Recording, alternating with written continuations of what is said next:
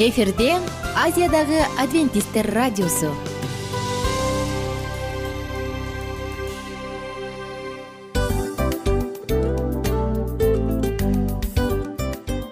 Достор салют. Баардык сүйүктүү угармандарыбызга салам айтабыз. Кутман күнүңүздөр менен.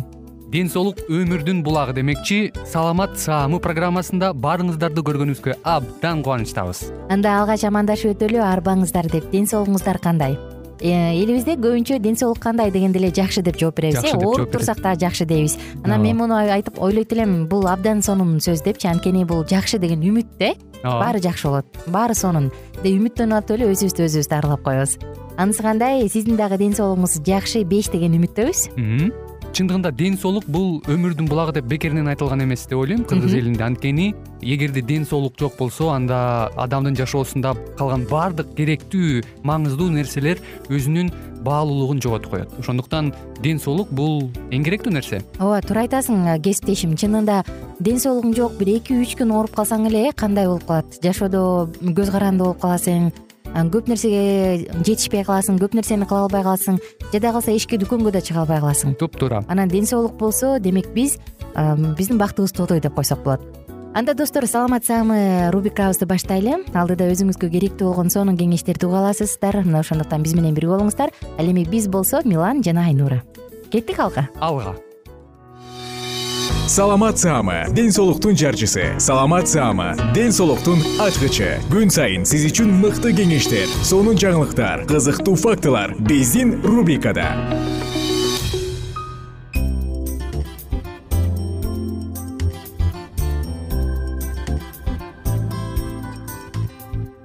салам достор. Жалпы угармандарыбызга ысык салам айтып кайрадан жалпыңыздар менен жагымдуу саатыбызды баштадык.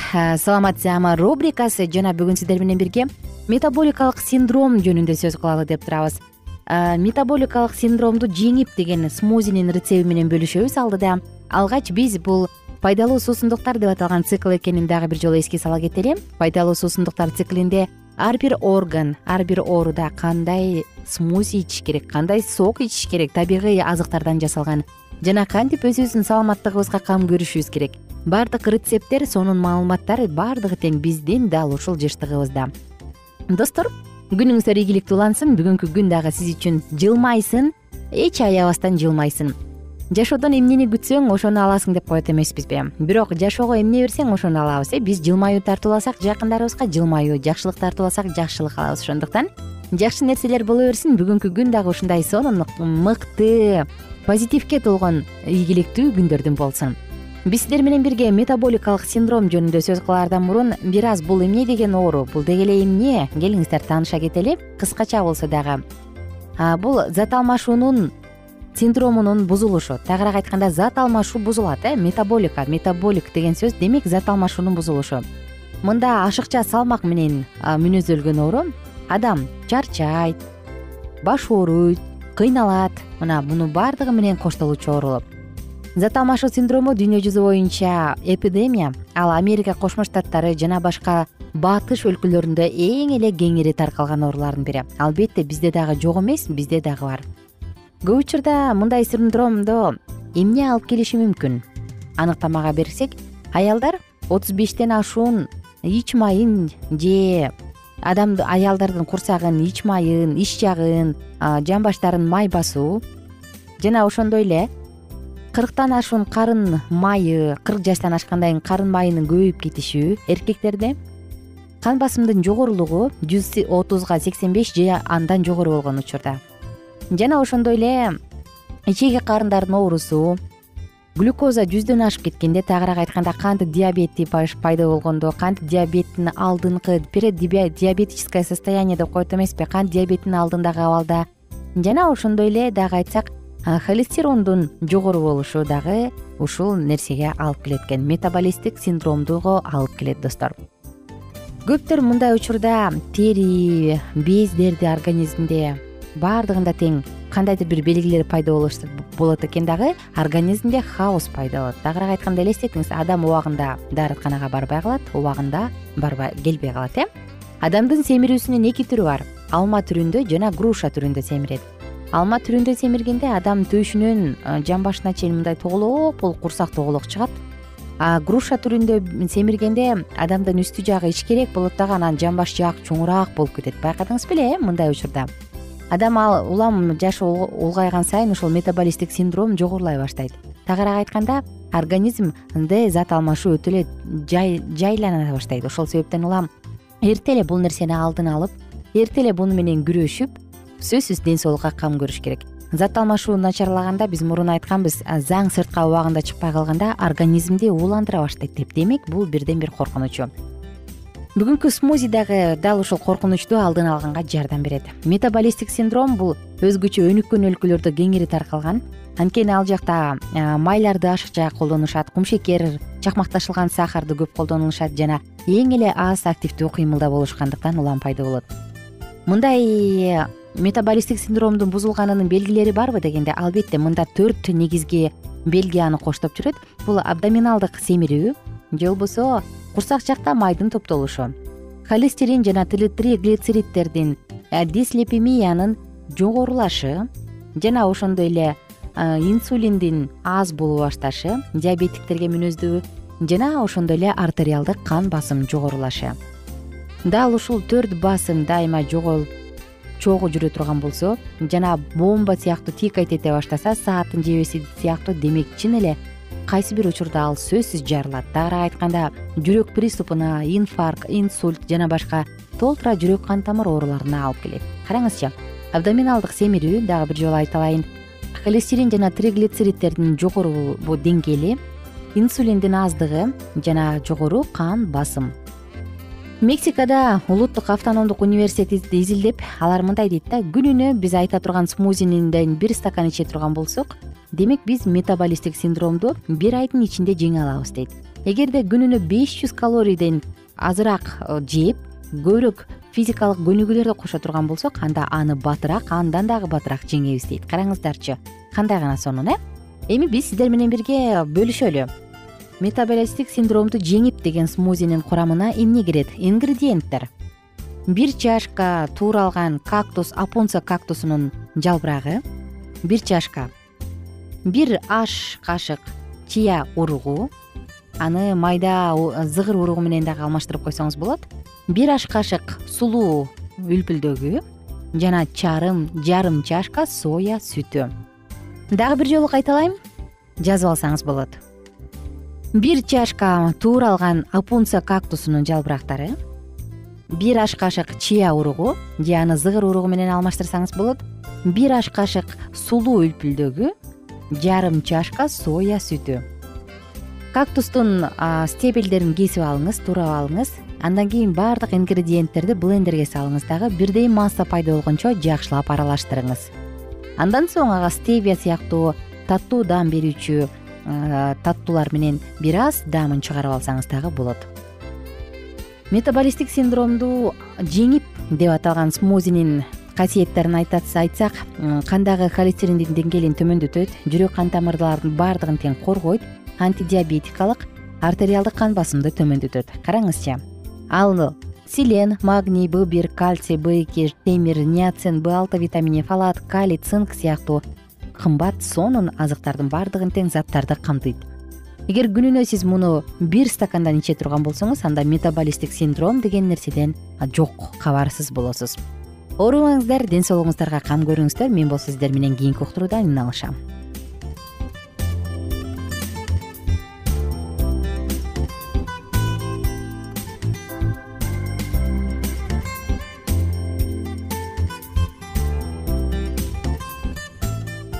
кененирээк маалыматтар үчүн үч w чекит саламат чекит клуб сайтына келип таанышыңыздар. Жана андан тышкары социалдык тармактарда youtube facebook жана instagram баракчаларына катталыңыз. Саламат саама ден соолуктун жарчысы. Саламат саама ден соолуктун ачкычы. Күн сайын сиз үчүн мыкты кеңештер сонун жаңылыктар кызыктуу фактылар биздин рубрикада.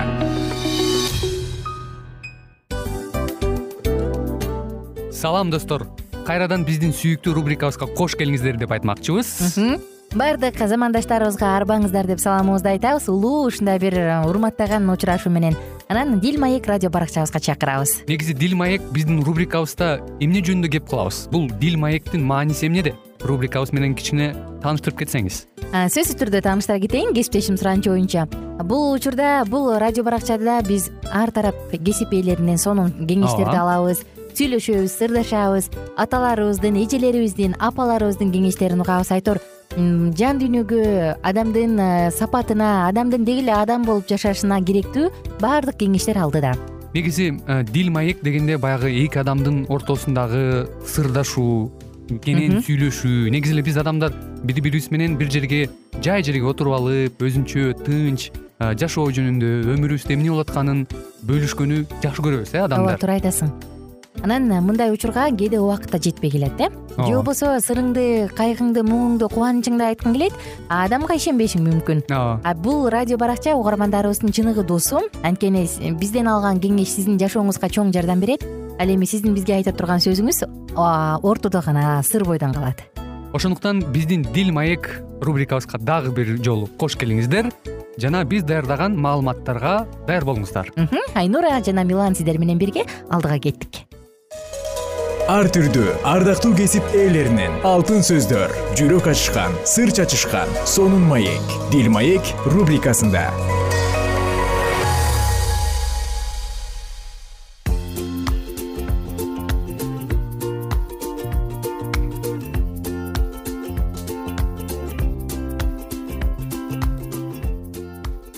күн достор биздин сүйүктүү угармандарыбыз жалпыңыздар менен кайрадан жагымдуу саатыбызды баштадык. Бул уктуруу дил маек уктуруусу. Маектешебиз сырдашабыз баарлашабыз. Жана сиздер менен бул циклда аял жубай жана эне деп аталган сонун циклды улантып атканбыз тарыхтагы эң мыкты образдары менен унутулгус өзгөчөлүктөрү менен тарыхта калган айымдардын жашоосунан бөлүшүп жатабыз эсиңизде болсо достор биз мурунку уктурууда захариянын келинчеги элизабет жөнүндө сөз кылып атканбыз э? Бүгүн улантабыз. Элизабет мүнөзү күчтүү аял жана жакшы жубай. Эсиңизде болсо элизабетти кандай деп кадырлуу жана татыктуу аял катары жакшы кабарчы лука абдан сонун мындай керемет кылып сүрөттөй кеткен эсиңиздеби ал кандай аял болгон? Кадырлуу жана барктуу ал кудайдан корккон жашоосунун ыйыктыгы тазалыгы менен айырмаланган аял болгон. Ушул айым элизабет карыган убакка чейин төрөбөйт. Анан карыганда ага көрүнүш көрүнүп жолдошуна уулду болору кабарланып жатат андан ары улантабыз. Элизабет кудайдын айткандарын түшүнүп эркин кыңк этпестен аткара тургандай тыгыз байланышта жашайбы? Көзүнө караганда көбүрөөк ишенимге ээби биз муну билбейбиз бул жөнүндө эч нерсе айтылган эмес. Аялың элизабет сага уул төрөп берет. Анын ысымын жакан коесуң деди жебирейил периште. Көрүнүштө. Жакан деген ысым сурнай үнүндөй угулду. Кудай ырайымдуу баланын атын кудай өзү койду мындан жакшы ысымды эч ким ойлоп таба алмак эмес бул керемет окуя анын ичинде болуп жатканда элизабет ушул жөнүндө ойлонуп жүрдү. Ал беш ай бою жашырынып жүрдү. Уялса керек э жашы өтүп калганда. Жашы өтүп калган чакта кош бойлуу болуп калгандыгын айтуу ага оңдойсуз болгонбу. Андай да болушу мүмкүн. Мен өзүмдүн апамдын эсимде кырк эки жашында эң кичүү уулун төрөгөн анан аябай уялып ичин жашырып мен агамдан уялып ушундай жаман абалда болгон да. Ошон үчүн элизабетти түшүнүүгө мүмкүн же бул кудайдын кереметине таң калуубу? Ким билет? Кудайдын колунан келбеген эч нерсе жок экенин ал дагы бир жолу көрсөттү. Кудайдын ишенимдүүлүгү чексиз. Кудай захария менен элизабетке өзгөчө бала бермек. Бирок алар муну күтүшү керек эле. Ал күн дагы келип жетти. Анткени ыйса машаякта төрөлүшү керек эле. Элизабет теңирге жол даярдаш үчүн баарынан жогоркунун пайгамбары болуп теңир алдында жүрө турган бала төрөмөк. Караңызчы кандай керемет. Элизабеттин чыдамы оор сыноодон өтүп эми аны сыйлык күтүп турат эле. Ага оор басырыктуулук жана өзүн кармай билүү мүнөздүү бул сапаттар анын жашы өтүп калган чакта күтүүсүздөн өзгөрүлгөн жашоосуна чыдашына жардам берет. Элизабеттин ишеними күйөөсүнүкүнө караганда күчтүү бирок биз анын бир да жолу өзүн күйөөсүнөн жогору койгонун жемелегенин басынканын укпайбыз. Алар үй бүлөдө тең укуктуу эле ал азыр да күйөөсүнө баардык нерседе жардам берген жакшы жубай. Элизабеттин ата теги эле жакшы эмес анын мүнөзү да жакшы жана өз алдынча болчу.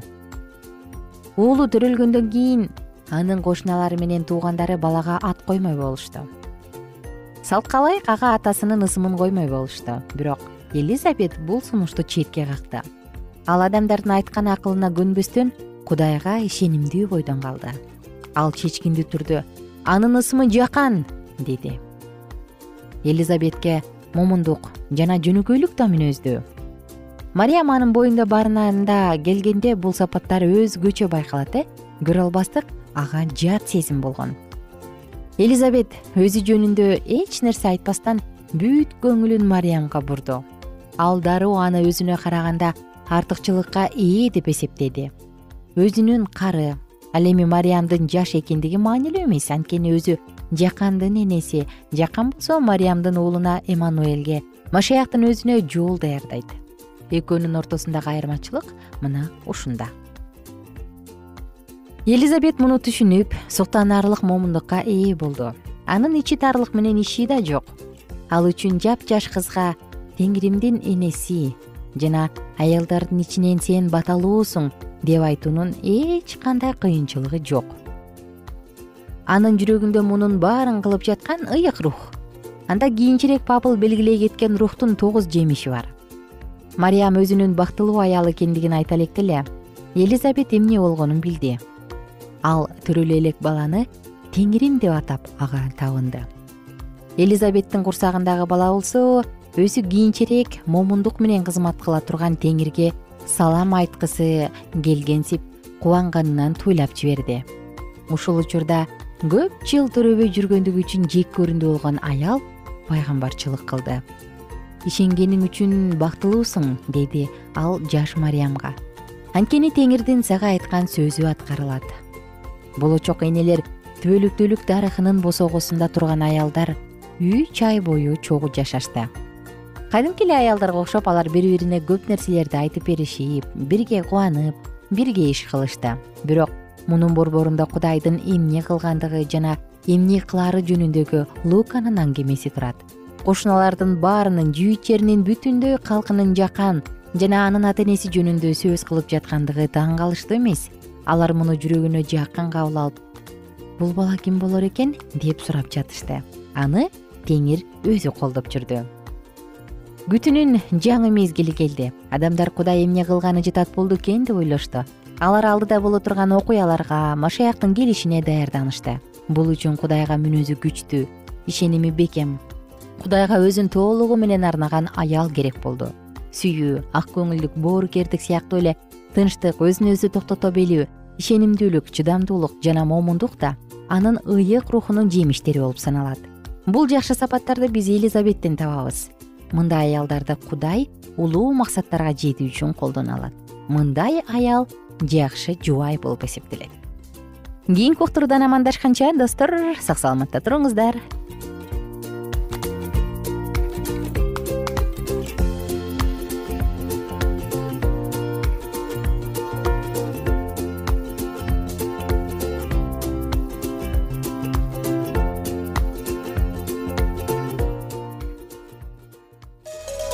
ар түрдүү ардактуу кесип ээлеринен. Алтын сөздөр жүрөк ачышкан сыр чачышкан сонун маек. Бил маек рубрикасында.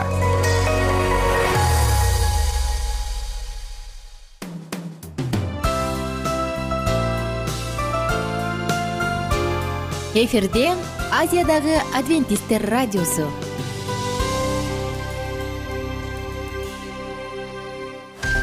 жан дүйнөңдү байыткан жүрөгүңдү азыктанткан жашооңо маңыз тартуулаган жан азык рубрикасы.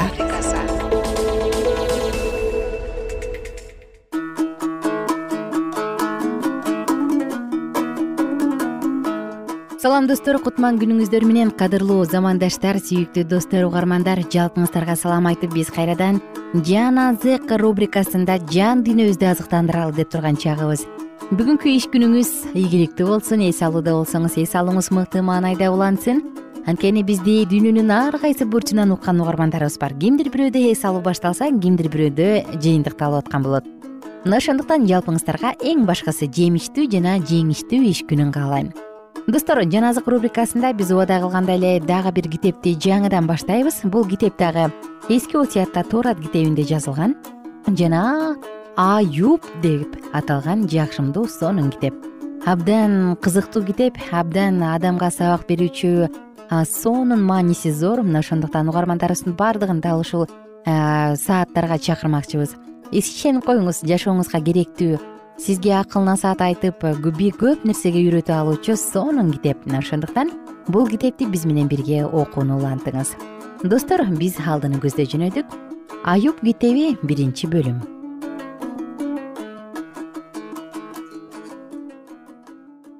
уз деген жерде бир адам болгон.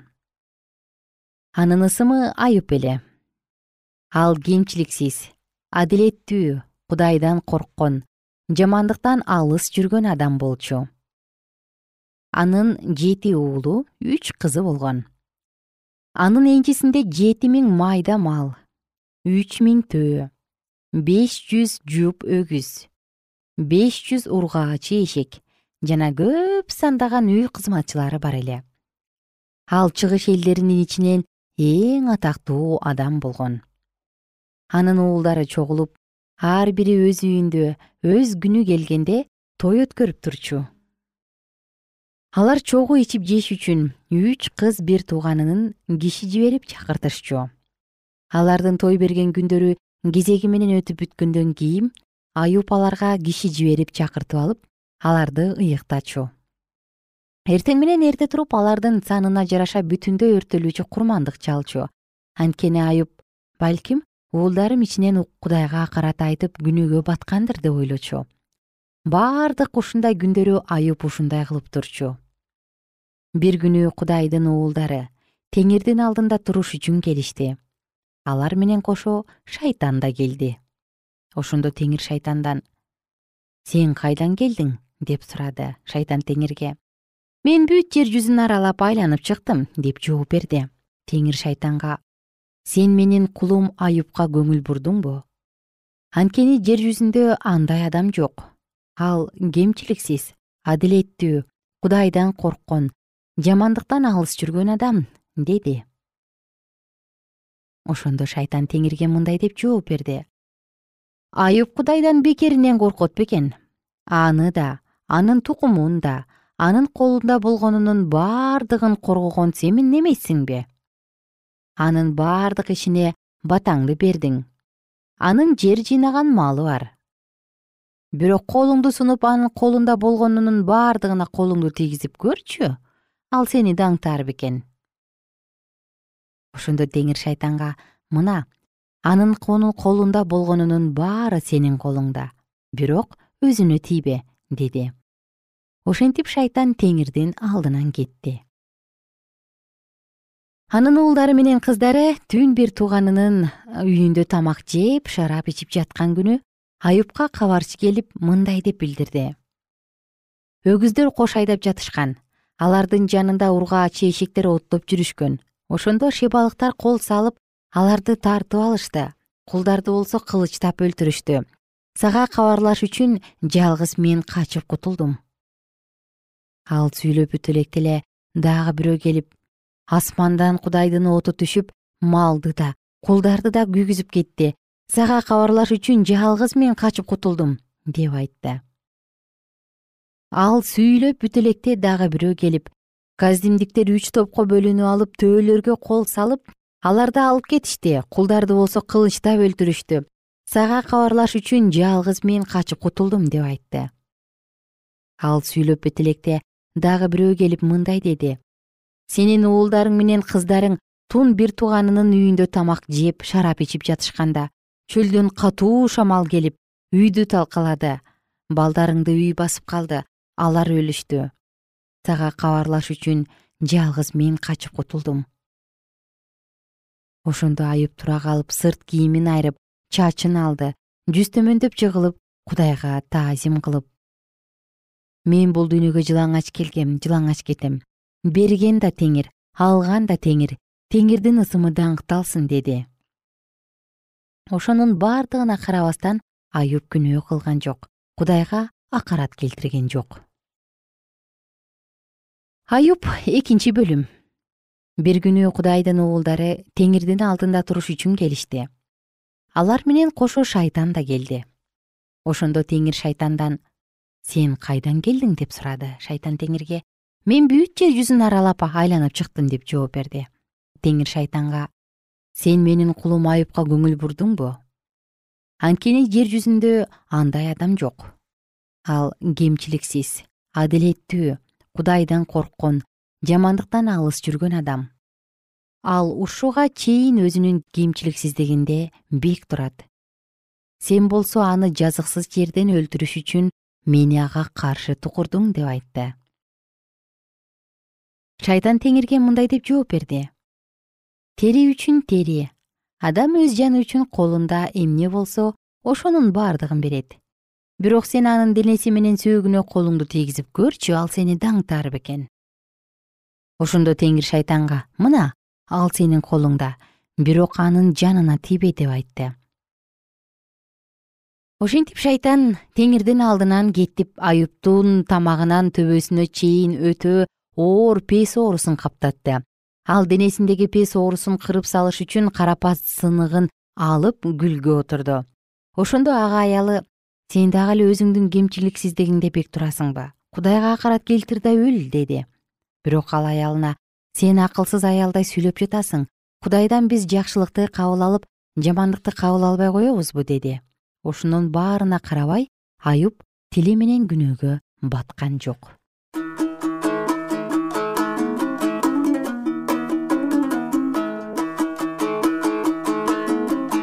Уктуруубузду кийинки уктурууда улантабыз ага чейин сак саламатта туруңуздар.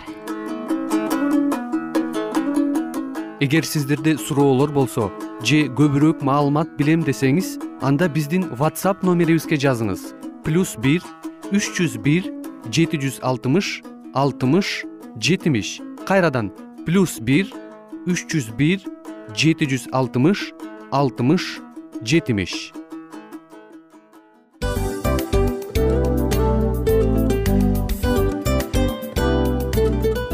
мына ушинтип убакыт дагы тез өтүп кетет экен биз дагы радио уктуруубуздун аягына келип жеттик келип кубандырдыңар эми кетип кубандыргыла деп тамашалап калышат эмеспи анысы кандай радио баракчабызды программабызды азыр эле баштап аткандай болдук элек мына соңуна келдик э? Негизи убакыт э, билинбей өтүп кетет экен?